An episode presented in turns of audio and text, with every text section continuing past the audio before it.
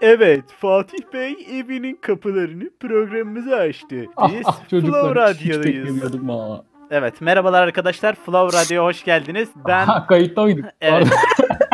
Çok iyi ya.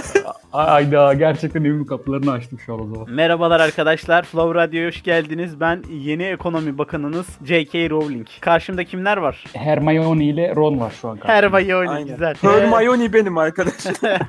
Ne konuşuyoruz haftalık hip hop gündeminde? Tabii ki de para piyasalarını ve rap şarkılarını konuşuyoruz. Keyifler nasıl arkadaşlar? Çok şükür be. Ne yapalım? Aynı. Yani. Tamam. Geçiyorum bu bölümü hızlıca o zaman. O zaman bu haftanın haberleriyle başlayayım mı arkadaşlar? Başlayıverin. o zaman hızlıca geçiyorum. Bülten kısmımızı Ahiyan'dan Dediller şarkısını dinlemişiz. Ardından Sehabe ve Resira'dan Yok Saydım Beni isimli şarkıyı dinlemişiz. Sonrasında Yener Çevik'ten Yıkıla Yıkıla, Çato'dan Sen Ne Yapardın? Son olarak da Azap HG'den Ölüm isimli işi dinlemişiz diyorum ve konu başlıkları, esas konu başlıkları kısmımıza geçiyorum. İlk konuşacağımız iş Tepki'nin Şehir Efsanesi albümü. Uzun zamandır bekliyorduk. Neler düşünüyorsunuz? Albümü genel anlamıyla oldukça beğendim. Tek as- asılsı yani bu kabaca şöyle bahsedeyim. Sıkıntım albümde yeni şarkı dinleyememek biraz şey oldu beni. Üzen kısımlardan oldu. Zaten işte sıkı duymuştuk daha önce yayınlanmış bir single'dı. Menekşe'yi bir performansı yayınlanmıştı. Yine o şarkıyı da dinlemiştik. Soygun yeni versiyonu var ama işte bir verse eklendi. İşte beat'i değişti vesaire, nakaratı değişti. Bunu da hani %100 yeni bir şarkı olarak değil yine zaten canlı performansıdır bu versiyonu dinlemiştik. Denedimin de 2021 versiyonu gelmiş. Bunu da denemiştik. Yani bu 10 şarkının işte icraatı da intro olarak sayalım hani yeni bir şarkı olarak sayarsak bir 6 tanesi falan yeni, 4 tanesi daha önce dinlediğimiz şarkılardan diyelim. Bu anlamda biraz üzdü sadece. Onun dışında bu Arem ve Arman ikilisinin sırtladığı bir albüm olarak bakarsak da onların sound'unu ben çok sevmesem de biraz fazla şey buluyorum. Fazla mainstream. O anlamda biraz şey yaptı tabii. Benim çünkü bu albümden beklentim biraz şeydi. Tepkinin akustik bir albüm haberi verilmişti. O albüm biraz daha böyle işte genel kitle tırnak içinde oynayacak. Bu da biraz daha böyle hip hop kafası insanlara hitap edecek bir albüm olarak ben böyle bir beklentiye girmiştim o açıklamalardan. Ancak bu albümün özellikle ilk yarısı biraz şey geçse de bizim kafalara göre geçse de soygundan itibaren direkt albüm o pop rap janrına daha yakın işlerle ilerliyor. O janrın içinde değerlendirdiğimiz zaman güzel işler ama beni çok açıkçası sarmadı genel anlamda. Ama albüm icraatla güzel giriyor. Yani o özellikle son dönemde olan olayları da bir şekilde güzel yedirmişler. Bunun yurt dışından örneklerini zaten biliyoruz bu tarz introların. Tepki de yine güzel bir şekilde güncel olaylarını da anlatmış bir verse'le. Onu güzel. Menekşe'nin bu versiyonu, akustik versiyonunu baz alırsak çok ya o akustik versiyon biraz daha benim hoşuma gitmişti ama bu da bence gayet okey bir şarkı olmuş. Ben albümdeki zaten en beğendiğim şarkılardan birisi bu oldu. Üzgünüm anne ve bugünüm yok, yarınım yok. Özellikle Üzgünüm Anne zaten tepkinin belki en iyi 5-10 şarkısı arasında girebilecek bir şarkı bence. Bu albümün yeni dinlediğimiz şarkılar arasında en sevdiğim bu oldu benim. Bugünüm Yok Yarınım Yok da yine albümün sıkı şarkılarından birisi olmuş. Ben genel anlamıyla albümden tatmin olsam da dediğim gibi bu biraz daha pop rap janrına kayan şarkılar beni biraz düşürdü açıkçası. Senin sevdiğin bir de deluxe versiyon da yayınlanacakmış albümün sonrasında. Ha öyle mi? Ha, doğru aynen de öyle bir şey var. Deluxe versiyonda neler olacak acaba? Onu da, ben Deluxe versiyon olayına geçen haftalarda bir şey yapmıştım. Ateş Beraber- etmiştim mikrofonlara. Evet o yüzden çok şey yapmayacağım ama dediğim gibi bu albümün ilk partındaki şarkılara yakın şeyler gelecekse ben okeyim. Çünkü Üzgünüm Anne gibi bir şarkı ve o, o tonda işleri tepkinin beni açıkçası çok kolay yakalıyor. Ben çok seviyorum böyle şeyler dinlemeyi. O kalitede şarkılar dinleyeceksek okey. Ama çünkü bu biraz şey olmuş bu albüm. Biraz fazla radyo friendly geldi bana. Ben tepkine o diğer sert yüzünü daha çok seviyorum. Ozancım. da bayağı bir hayal kırıklığına uğradım. Aman şöyle olacak, aman böyle olacak. Öf, püf. Albümün ilk yarısı bence çok iyi. Lakin bunlar zaten bizim artık ezbere bildiğimiz şarkılar ve hani bu bana yeni bir albümden çok Rarities ya da bilinen adıyla en sevilen şarkılar, Greatest Hits gibi bir şey olmuş. Menekşe'nin bu halini kesinlikle beğenmedim onu söyleyeyim. Soygun'un bu halini diğer Soygun'dan daha çok beğendim. Denediğimde yani alakalı fikrim değişmedi. Yine keyifli bir şarkı. Yani albümde gerçek anlamda beğendiğim hani beni gerçek anlamda yakalayan tek şarkı icraat. Zaten ikinci yarısından sonra albüm Atakule'den atıyor ama bir türlü tutmuyor bizi aşağıda. Üzdü yani. Hafif karamsar bir tonla devam ediyoruz programımıza. Ee, bir sonraki işimiz bir EP.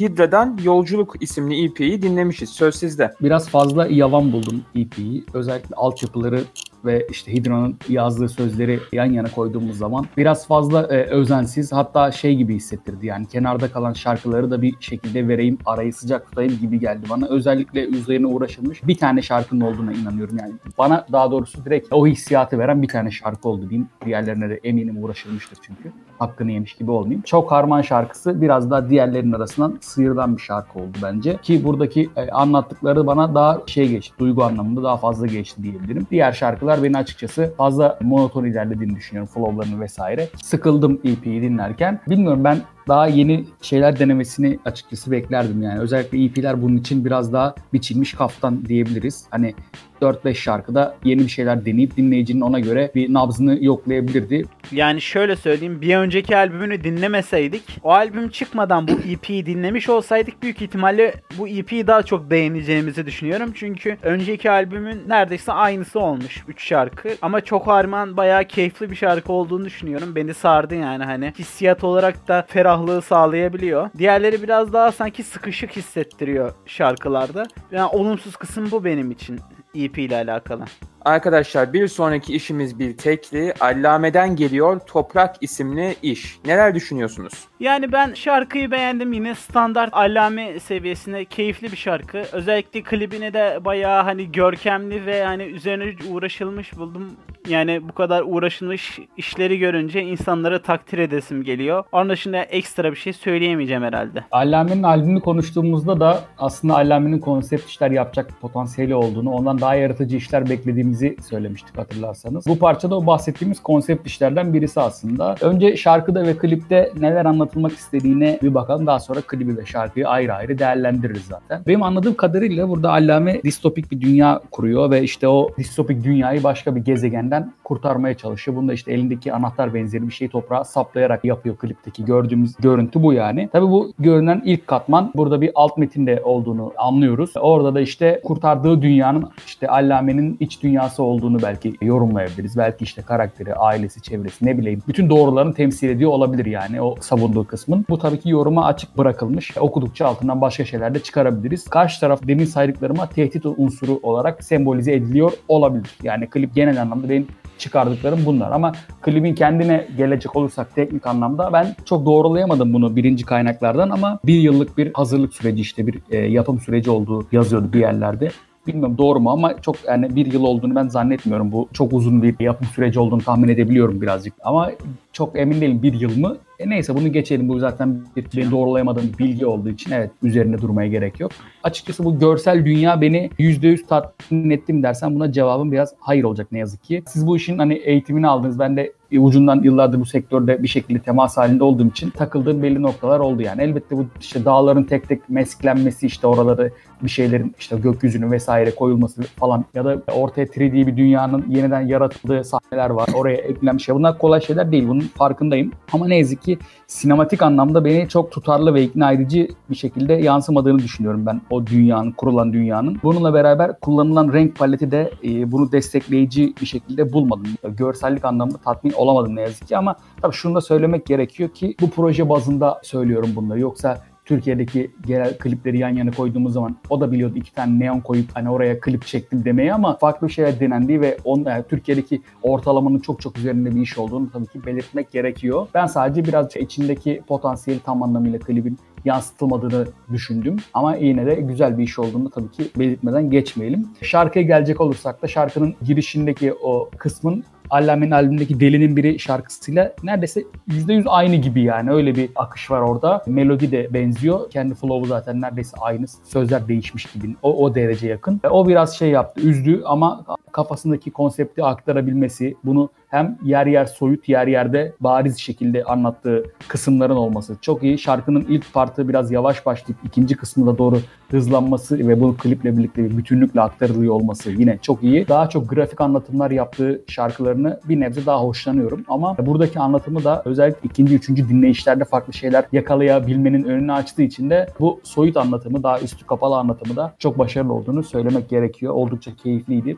Ben böyle şarkılar hep yapılsın üzerine hep böyle uzun uzun konuşayım istiyorum. Çünkü böyle özenilmiş işler görmek gerçekten mutlu ediyor. İşin, yani işini ciddiye alan insanları görmek. Ya bir iki cümle söylemek istiyorum vaktiniz varsa. Çok vaktinizi almayacağım. İki cümlem var arkadaşlar. Ha, buyurma falan diyormuş. ya şöyle hani senin dediğin gibi hakikaten üzerine konuşulacak iş her hafta bazen siz de biliyorsunuz ki çıkmayabiliyor. Hani iyi diyoruz, kötü diyoruz, geçiyoruz. Program 15-20 dakikada bitiyor falan. Ama hani bazı hakikaten böyle üzerine uzun uzun konuşabilecek şarkılara hasret kaldık. Hani bir de klip anlamında da şunu söyleyeyim. Fatih'in de dediği gibi hani mesela şarkının sözleri bir animasyon olarak aksa lirik videosu olsa buna da animasyon videosu diyoruz. Hı hı. Hani sorsam mesela o da animasyon ama anasını satayım bu da animasyon ve dediğin gibi belki bir yıl sürmemiştir. Belki 6 ay 7 ay her neyse o kadar sürmüştür ama hayvan gibi bir emek söz konusu, bir çalışma söz konusu.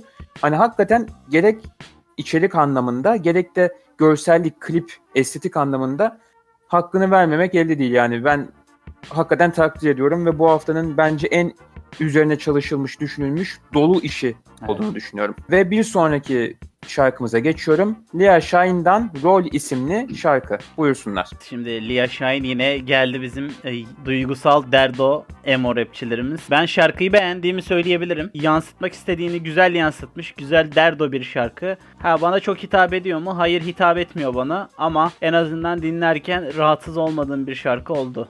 E, altyapının böyle chill havası falan o beni çok güzel mood'a ben şarkıyı beğendim. Benim tek gözüme batan kısım şarkıda bu işte birkaç yerde tam beat'e oturmayan satırlar var. Uzun kalmış falan. Onları böyle bir sıkıştırmak için bazı yerlerde işte flow'un akışından bir ödün verilmiş falan. Ben bunlara birazcık rahatsız oldum. Onun dışında beğendim. Bir hafta bir hafta önce miydi? Bir, birkaç hafta önce konuştuğumuz bir şarkısı vardı. Tam Benimle ateş et. Heh, evet aynen. O şarkı kadar beğenmedim açıkçası ama yine de güzel bir şarkı. O zaman kısa kısa haftanın geri kalan işlerine de birazcık bahsedelim, değinelim. Anıl Piyancı'dan Düş isimli şarkı var. Hemen buyursunlar. Son zamanlarda en az beğendiğim Anıl Piyancı şarkısı olabilir ki hani zaten çok çok hani böyle bizi yükselten şarkılar çıkarmadı zaten yakın zamanda ve hani bunun nakaratı olsun fazla işte kelime kelime heceleme üzerine kurulu flow'u olsun net bir şekilde zayıf buldum şarkıyı. Anıl Piyancı galiba bir yazılımcıyla anlaşıp bir generator tuttu ve ortaya böyle ilk akla gelen kafiyeler vek vek vek vek rap rap rap rap falan artık bu bunları hakikaten geçmemiz gerekiyor ki aynısını işte başka bir işte adı lazım değil MC yaptığı zaman dalga konusu olurken Anıl Piyancı yapınca insanlar o falan dediklerini görüyorum. Yani gerçekten yazık bu kadar basit kafiye şemasıyla rap yapılmaması lazım. Hele bu seviyelere gelmiş bu kadar dinlenen isimlerin bu tuzaklara düşmemesi lazım artık. Bana çok özensiz bir iş olarak yansıdı. Klip fena değildi ona bir şey diyemeyeceğim. Bir sonraki şarkımız Instagram'da en azından uzun zamandır promolarının döndüğünü görüyorum. Sansar Salvo'dan Kimse Korumadı Bizi. Söz sizde. Ben olumlu konuşacağım bu şarkıyla alakalı. Sansar Salvo'dan uzun süredir dinlediğimiz en derli toplu verse'leri dinledik. Ben hani keyifli olduğuna da düşünüyorum. Tek sıkıntısı biraz hani beat'in Sansar Salvo'nun üzerine çıkması. Biraz da hiza etkisi de hafif hafif gözüküyor. Valla ben de birebir harfi harfine katılıyorum. Beat konusunda da ben diyecektim sen e, atlasaydın ki sen de atlamadığın için ekleyecek bir şeyim yok. Gerçekten tam olarak ben de böyle düşünüyorum. Bir sonraki işimiz No 1'den Harikalar Diyarı'nda 2. Hmm. Yani No 1 yine ilk yıllarda biraz daha derdo sayılabilecek ama e, rapten de hani kopmayan şarkılara sahipti. Ondan sonra 2000'lerin 2010'ların ortalarına doğru falan biraz daha hani trap ama hani ana akım trapten ziyade biraz daha böyle underground biraz daha sanatsal sayılabilecek tarzda müzikler yapıyordu ve yine bunun uzantısı olarak Harikalar Diyarı'nda 2 çıktı. Standart bir No 1 işi olduğunu söyleyebilirim. Tek sıkıntısı hani biraz daha özensiz buldum hani önceki şarkılarına göre ve nakaratı beğenmedim. Nakarat birden şey yapıyor yani şarkının genel akışının aksi yöne hareket ediyor böyle. Yani sanki bir tarafa doğru birisi koşuyor da öbürü durdurup onu tam tersi yöne biraz daha koşturup sonra geri ikinci verse'le beraber şarkı tekrar diğer tarafa gitmeye çalışıyor falan. O çok tezat kalmış. Ben de nakaratı çok beğenemedim. Şarkıda çok No 1'in siyah bayrağın üzerine çıkabileceğini tahmin etmiyordum açıkçası. Burada da yine bunu destekleyen bir şarkı olmuş. Umarım yani daha iyilerini dinleriz ama Harikalar Diyarı'nda bir bunun çok çok üzerinde bir şarkıydı. Bu aralar böyle 1, 2, 3, 5 bu sayı anlamında hani çok Şey oluyor mu böyle ya. şeyler? Yabancı bu- ülkelerde de oluyor mu böyle? Po- Ha. Polis Akademisi gibi düşün ya. Tamamen Ya da- ticari yani. Ya da Elm Sokak Kabusu 1, 2, 3, 4, 3 Evet, Dream evet, Warrior. Testere iyiydi gerçi ya. Ona da bir şey demeyeceğim. İsmi geçtiği için söylüyorum. Anıl Piyancı ile bir tane abla şarkı yapmıştı. Onun da sonunda 2 vardı mesela. Ya işte diğerinin tıklarından şey yapmak için. Yani şey gibi dizi bölümü yüklüyorlar bir diyorsun ikiyi öneriyor ya direkt. Onun tıkından buraya düşme şeyleri. Haftalık Hip Hop gündeminde ilk defa konuşacağımız bir isim. Sevgili Kayra ve Ozbi'den Geceye Varınca isimli şarkı bu hafta çıkış yaptı. Yani keşke bu şarkıyla konuşmasaydık ilk kez programda ve ben Kayra'yı seven biri olarak yani çok çok üzüldüm bu şarkıya yani. Da Poet Kayra ve Özbi üçlüsü epey bir uyumsuz olmuş. Kayra'nın o konsept ve hani insanı yakalayan anlatısını burada bulamadım ve Özbi'nin nakaratında gerçekten şarkıyı kapatmak istedim diyebilirim. Yüzlü kesinlikle yüzlü. Şöyle diyeyim ben de. Kayra'nın albüm dışı parçalarında genelde karşılaştığımız bu birbirine çok benzi- benzeyen şeyler yazma sıkıntısına burada da denk geliyoruz. Flow'larda da bir aynılık olunca şarkı çok böyle bir özelliksiz kalıyor bence. Onun partı için bunu söyleyebilirim. Ozbi'de bence nakaratta bu artık son heceyi uzatma olayını bırakması lazım yani. Nakarat böyle bir şey değil bence. Şarkıya bir ekstra bir şey katması gerekiyor. Bu Ozbi'nin verse'lerinde de devam ediyor bu. Yani her şarkının her satırının son hecesi uzayacak artık bunu biliyoruz. Bu bize sürpriz bile olmuyor. Bu anlamda o da bence Ozbi'nin verse'ü bu arada son yayınladığı 3-4 kişiden e, son bir EP'sinde konuşmuştuk galiba. Onların yanında bu verse'ü biraz daha öne çıkıyor bence. Ama yine de ikisinin performansını yan yana koyduğumuz zaman ben şöyle bir şey duymak isterdim açıkçası. İkisi de storytelling anlamında oldukça başarılı isimler. Ya mesela Ozan şey dedi ya hani Kayra ve Da Poet'in yanına mesela Ozbi çok uyumlu bir isim olmamış gibi. Mesela Ozbi'nin tarzı çok farklı geliyor bana. Mesela hangi ismin yanına koyunca %100 uyum sağlamış diyebiliriz ki? Hani onu düşündüm Ya aklıma bir ben- isim gelmedi. Yok, Bence şu, o biraz şey ya hani ortaya ne çıkarmak istediklerine göre değişir. Ozbi çünkü çok yönlü bir MC aslında yani istese güzel bir şey yapabilir. Burada çok üzerine durulmamış. Yani Anladım. yoksa ikisinin, ikisini de bir potada eritebilecek hem prodüktörlük var ortada da Poet'te. Yani böyle bir potansiyel var. Sadece bu şarkı onu çok zorlamamış gibi geldi bana. O zaman bir sonraki işimize yavaştan geçiyorum. Impala'dan Yabancı. Verse'lerini ve beatlerini beğendiğim bir şarkı olduğunu söyleyebilirim. Hatta klip için seçilen mekanları da beğendim. Ama yani nakarat beni gerçekten çok düşürdü şarkıda ve hani klipteki kurguda mesela beni çok yordu. Kliple ilgili görüşlere katılıyorum. Şarkıyla ilgili de ben nakaratı biraz şeye benzettim işte bu 90'ların sonlarında birbirine benzeyen pop nakaratlar olurdu mesela. Onlar da birbirini taklit ederlerdi. Ama çok kötü diyemeyeceğim ben nakaratı yani şarkıyı öldürdüğü işte düşürdüğü falan öyle çok düşünmüyorum. Ben verse'leri de bu arada Impala'nın uzun bir zaman sonra bu kadar beğendiğim bir işi olduğunu söyleyebilirim verse'ler anlamında. Anlattığı şey de ilk defa bana bu kadar geçti. Klibinde dediğim gibi ben kurgusunu da okeyim ben sadece o bu açık hava tiyatrosu mu? Tribünlerin olduğu falan bir şey vardı ya sekans vardı. Orası mesela bence e, klipten beni tek rahatsız eden kısım da açıkçası. Oradaki kurgu numaraları aslında. Diğer yerler klibe de ben okeyim. Impala'nın bu işini ben beğendim açıkçası. Bu haftanın konuşacağımız son işi Emboli'den geliyor. Şarkının ismini telaffuz edemediğimden Ozan Xanax. söyleyecek. Albümden sonra çıkan bir iş oldu bu. Albümü de fena bulmamıştık yani çok çok çok beğenmesek de. Maalesef hani albümden sonra biraz çıta düşmüş. Şarkının verse'leri fena değil ama nakaratı da beni bayağı bir düşürdü şarkıda. Ve hani biraz tema da beni düşürdü açık konuşmak gerekirse çünkü çok sık kullanılan bir tema olduğu için. Fena bir iş olmasa da beni yakalayamadı maalesef. Ya ben Emboli'nin işte doğru bir prodüktörle daha iyi işler ortaya koyacağını düşünüyorum. İşte Efecan'la yaptığı şarkı. Yani o iki isim zaten yan yana geldiklerinde ortaya parlak bir şey çıkacağını ben tahmin etmiyorum. Yani bunu kağıt üzerinde de görebilirdik bence.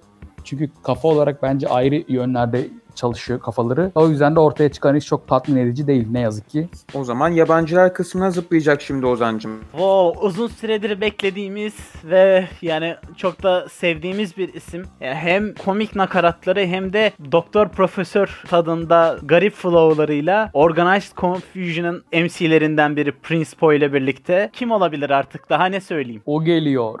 O geliyor. Farah Monch ve 13. Aa, Monch geliyor. Şimdi ben albümün kapağıyla başlamak istiyorum. O albümün kapağı sana nasıl hissettiriyor? Biraz şey hissettiriyor kendisi. Can acıtıcı hissettiriyor.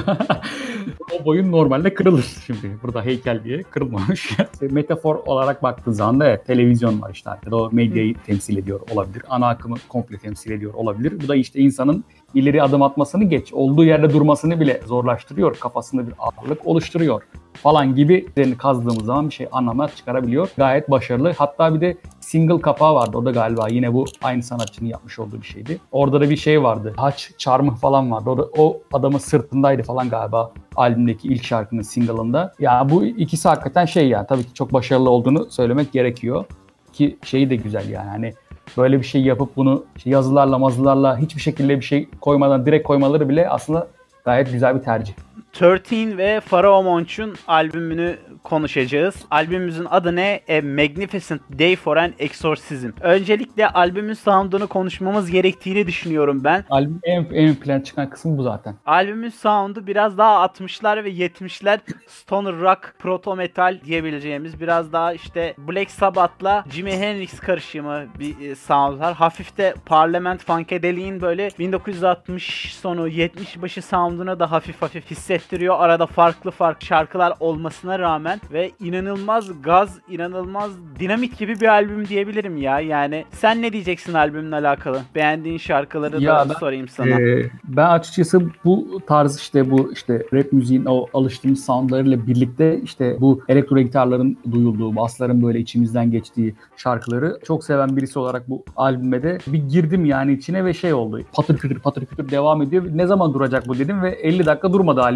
Sonuna kadar bu şekilde hayvan gibi bir şekilde devam etti. Ben daha önce yayınlanan single'lardan da bu Kült 45 isimli şarkıyı çok beğenmiştim. Cypher Silhouette'i zaten bu albüme kimi koy deseler ben de Cypher Sil koyardım. Fight çok hoşuma gitti. Bir de 666 şarkısını çok beğendim. Diğer şarkılar açıkçası hani bunları beğendim dediğim bunlar biraz daha şey yaptı. İlk dinlediğimde daha kolay yakalandığım şarkılar. Ama albüm bence direkt zaten açtığın zaman komplesi dinlenmesi gereken bir albüm. Öyle 2-3 şarkı dinleyip kapatılamaz zaten. Hani bir akışına kendinizi bırakırsın.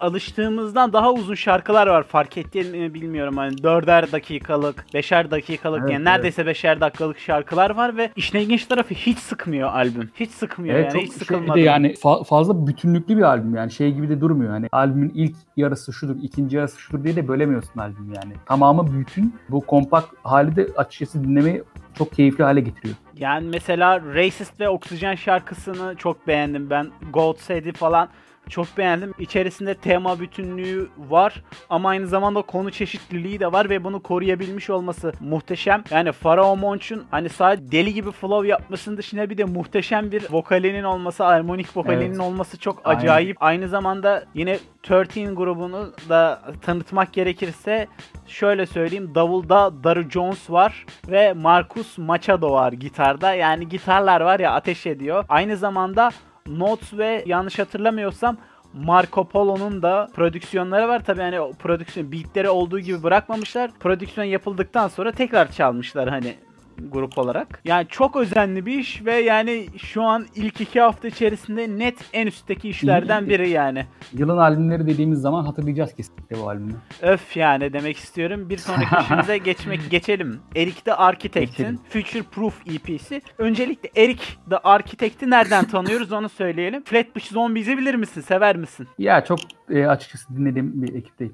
Ha işte o ekibin Bilmiyorum. hem prodüktörü hem de rapçisi. Öyle söyleyeyim sana Eric the Architect. Ama fark ettiysen hani Flatbush Zombies'in sound'unu çok çok daha e, dışına çıkmış. Biraz daha böyle Odyssey sound'una daha yakın. Hani Odyssey dinlediğin zaman mesela sana böyle çok ferah bir ortamda keyif çatıyormuşsun gibi hissettirir ya. Yine onu burada yakaladım. Albümün içeriğinde sevdiklerini kaybetmekten tut ırkçılığa kadar birçok tema işlemiş. Seninle de konuşuyorduk bu pitchlenmiş vokal sample duyduğum zaman eriyorum yani ve burada bunun hakikaten en böyle kusursuz örneklerini görüyoruz. Harbiden ya, altyapılar falan e, geriye yaslan ve kendini bırak yani bulutların üzerinde hissediyorsun gözlerini kapattığın zaman. Zaten şey ya 5 tane şarkı olduğu için de Birden bitiyor. şekilde e, evet yani şey oluyorsun tekrar başa dönmesi de kolay yani tüketimi de çok kolay bir yandan da şey yani uzatılıp da böyle bir şey hissi yok. Başlıyor bitiyor ve sana mu- muazzam bir on- 17 dakika sunuyor yani Zorlama değil diyorsun. hayattan hani dinleneyim çok vaktim yok ne yapayım